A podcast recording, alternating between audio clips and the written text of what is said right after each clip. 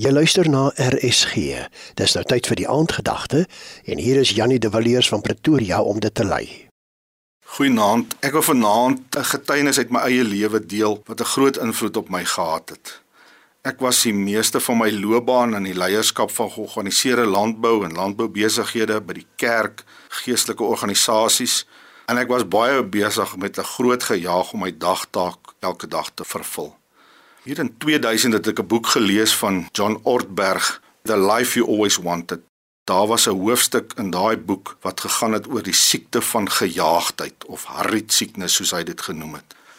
Wanneer hy daarna verwys het, het hy gesê as jy nou hier in die verkeer ry in twee bane en daar staan twee karre by die verkeerslig, val jy in agter die een wat die vinnigste gaan wegtrek. Ek sê, "Jep, ek doen dit." Hy sê as daar rye by 'n kasregister is in die winkel, stel jy die mense om te kyk aan watter ry moet jy staan wat die vinnigste gaan wees. Ek sê, "Jep, ek doen dit." Hy sê, "Maar tel jy ook die goed in hulle mandjies en hulle trollies om te kyk wat een gaan die vinnigste." Ek sê, "Ek het dit ook gedoen."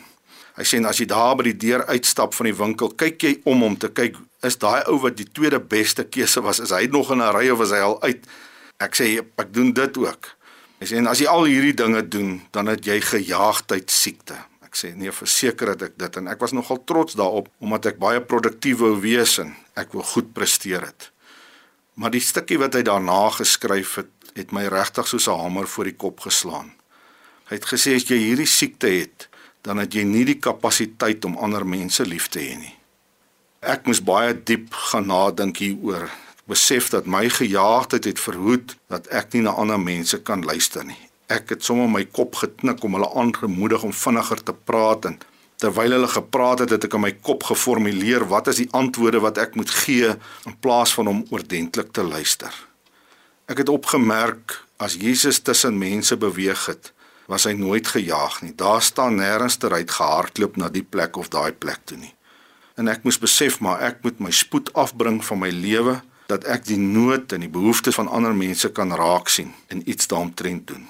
Ek moes kies om stadiger te lewe sodat ek meer soos Jesus kan lewe.